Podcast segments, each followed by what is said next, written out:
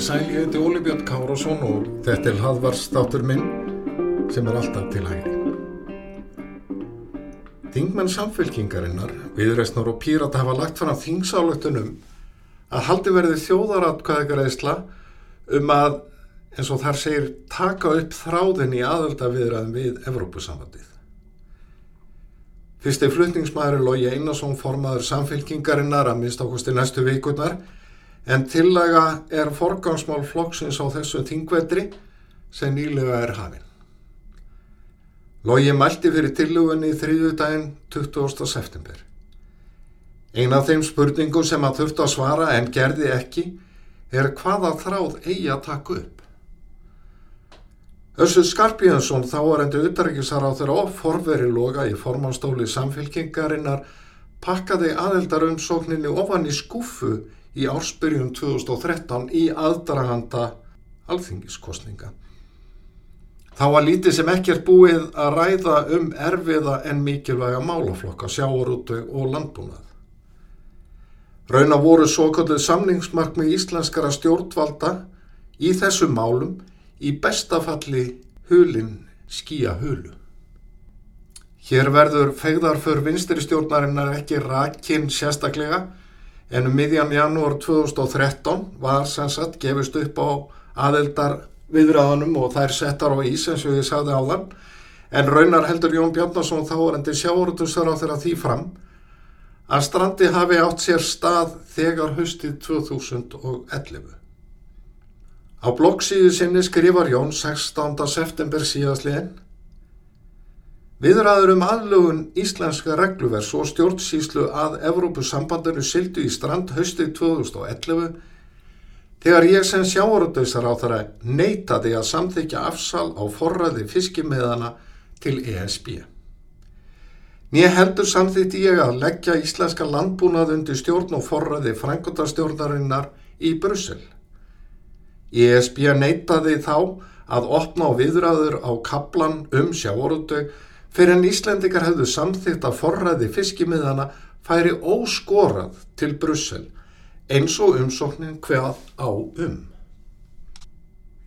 Þegar Össur stakk aðeldarumsókninni onni skúfu 2013 var aðeins búið að ljúka viðræðum um 11 kabla í lögjöf Evrópusambansins. Viðræðu stóðu yfir um 16 kabla búið var að móta samningsafstöðu Íslands í tveimur köplum en viðræður ekki hafnar. Svo kvöldu samningsmarkmi íslenskara stjórnvalda voru ekki tilbúin í fjórum köplum, þar á meðal um sjáorðus og landbúnaðamál. Lang mikilvægustu hagsmunamál Íslendinga sátu þannig alla tíð á hakanum í viðræðanum enda þjónaði það illa pólitísku markmiði samfélkingarinnar að móta þau markmið. En það glitti þó aðeins í markmiðin árið 2011 í fyrstu skýslu Evrópu þingsins frá því aðelda viðraður Íslands við Evrópusambandið hófust. Í skýslunni er aðeldar umsókn Íslands fagnað en bent á að nokkur ljón síu veginum, æsef kvalviðar og laungun Íslandingu til að verja sjáorutveig og landbúnað. Evrópið þingið kvatti Íslands stjórnvald til að aðlaga lögum fiskveðar að reglum innri markaðar Evrópusambansins. Bent var á að Ísland hafi farið fram á að halda hluta af stjórn fiskveða. Iceland wishes to maintain some control of fisheries management. Þessi niðurstaða Evrópuþingsins í skýslunni er í takt við skrif Jóns Bjarnasonar. Af skýslunum á ráða að samningsmarkmi íslenskar stjórnvalda í sjáorudvegi hafi ekki verið að tryggja Íslendingum full yfiráð yfir stjórn fiskveða heldur aðeins hluta, some control Þegar ég vakti aðtikli á skýslunni á sínum tíma, held ég því fram annarkvort hafi þingmenn Evrópuþingsins miskilið aðeldar umsókn Íslands eða á forráðmenn vinstri stjórnarinnar hafi ekki komið fram að heilundum gagvart Evrópusambandinu eða íslensku þjóðinni. Lógi Einarsson og meðflutningsmenn hans verða meðal annars að svara því hvort skilningur Evrópuþingsins hafi verið réttur á sínum tíma og hvort það komi til greina að færa stjórn fiskveða að stórum hluta undir embætismenn í Brussel. En kannski skiptir önnur spurning meira máli.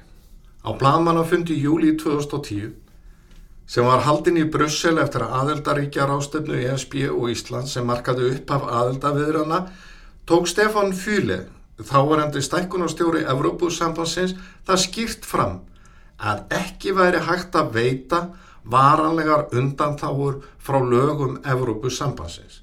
Sem sagt, aðeldaviðræður Íslands voru viðræður um aðlögun íslenskara laga og regluna að lögum ríkja sambansins hvernig og hvenar en ekki hvort varanlega undan þáur yrðu gefnar. Stækkunastjórin var með vinsanlegar ábendingar til íslenskara stjórnvalda og almennings um hvað fælist í raun í aðildar umsón. Ábendingar sem öllum mátti vera ljósar í upphafi. Þeir þingmenn sem vilja taka upp þráðin í aðelda viðræðum við Evrópusambandinu að nýju Hljóta annarkvort að vera samfæður um að stækkunastjórin hafi farið með randmál eða að algjör stefnubreiting hafi átt sér stað innan sambansins. Þriðji möguleikin er að þetta sá að aðildar sinnar síu tilbúinir að færa allt regluverk og stjórnun meðal annars sjáurutvegs, landbúnaðar og orkumála undir Evrópus sambandið. Þegar vinsteristjórnin tók við völdum í februar 2009 fekk samfélkingin algjört forræði yfir utaríksmálum. Stefnan var tekinn á Brussel. Mikilvæg hagsmunamál, þar á meðal öryggis og varnamál voru sett til hliðar. Allt snýrist um aðild að ESB.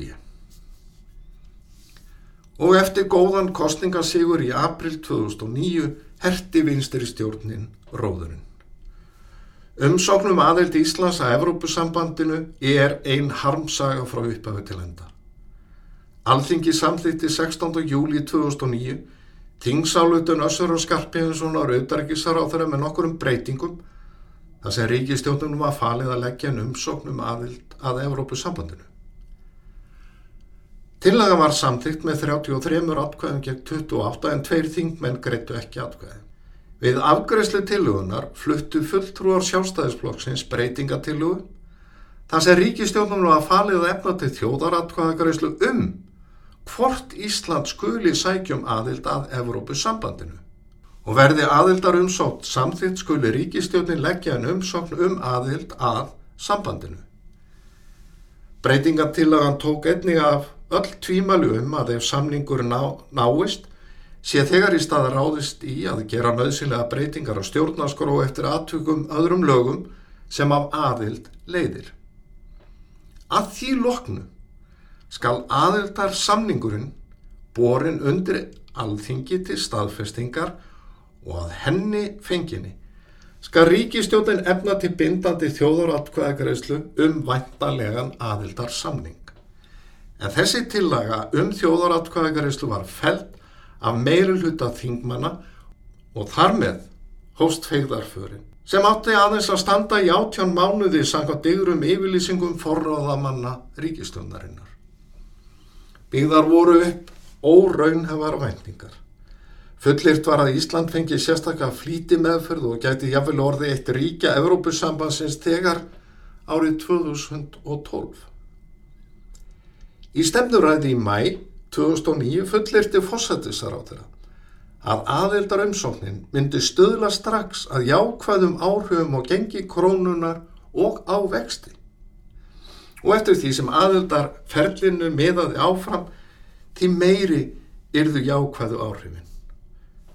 Þeirra lísti yfir diplomatískum sigri eftir að ráð þeirra á ESB samþýtti aðeldar umsókn Íslands í júli 2009. Diplomatíski sigurinn skilaði engu allra síst í efnaðarspólum og ekkert gekk eftir að þeim fullurðingum og lofórðum sem fósættisar á þeirra setti fram í stefnu ræðunni. Á örfáum mánuðum flætti undan pólitísku stuðningi við umsóknina en það ríkistjótnin í raun klófin í herða niður. Hægt og bítandi hvarf öll pólitísk fórusta fyrir aðild. Ingeborg Sólurinn Gísladóttir fyrirhandi utrækjusaráður og formaður samfélkingarinnar saði út á sviðtali í september 2011 að engin stjórnmálumæður berjist í raun fyrir aðild Íslands að Evrópusambandinu. Pólitíska fórustu skorti almennt í málinu auk þess en stefnan sé óljós. Þessi skoðun Ingeborg Sólurunnar var ekki ný því þegar í april 2010 hafði hún átt að sig á þeim ógöngun sem aðildar umsóknir var komin í. Í viðtali við Þískan Bladamann saði Yngibjörg Sólurinn að betra væri að fresta yfirstandati viðræðum en að halda þeim áfram í óvissu um hvert sé stemt. En nú, á enn á ný að gera tilraun til að setja á fjallinnar pólitíska leiksýningu sem stóð yfir að minnstakosta nafninu til í fjögur ár frá árinu 2000 og nýju. Þá var reynd að telja almenningi trúum að í gangi væru sérstakka viðræður millir Íslands og Evrópusambandsins. Byggt var undir þá trú að Íslendingar gætu samið um breytt regluverk Evrópusambandsins. Gætu breytt Evrópusambandinu.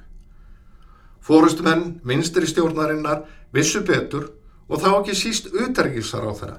En á upplýsingarsíðu utergisaráðanisins á þessum tíma sagði meðal annars orður rétt Hvora aðili um sig, umsóknaríkið og ESB hafa sín samningsmarkmið og hálfu umsóknaríkis snúast þau vanalega fyrst og fremst að því að fá að njóta ákveðin sveigjarleika við að taka upp lög og stefnu með ESB.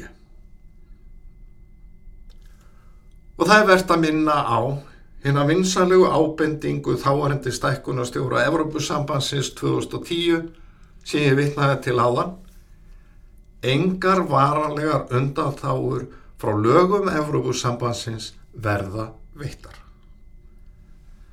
Þetta er þráðurinn sem flutningsmenn þingsáluturna tilugunar þar að segja samfylking, viðrist og píratar vilja taka upp.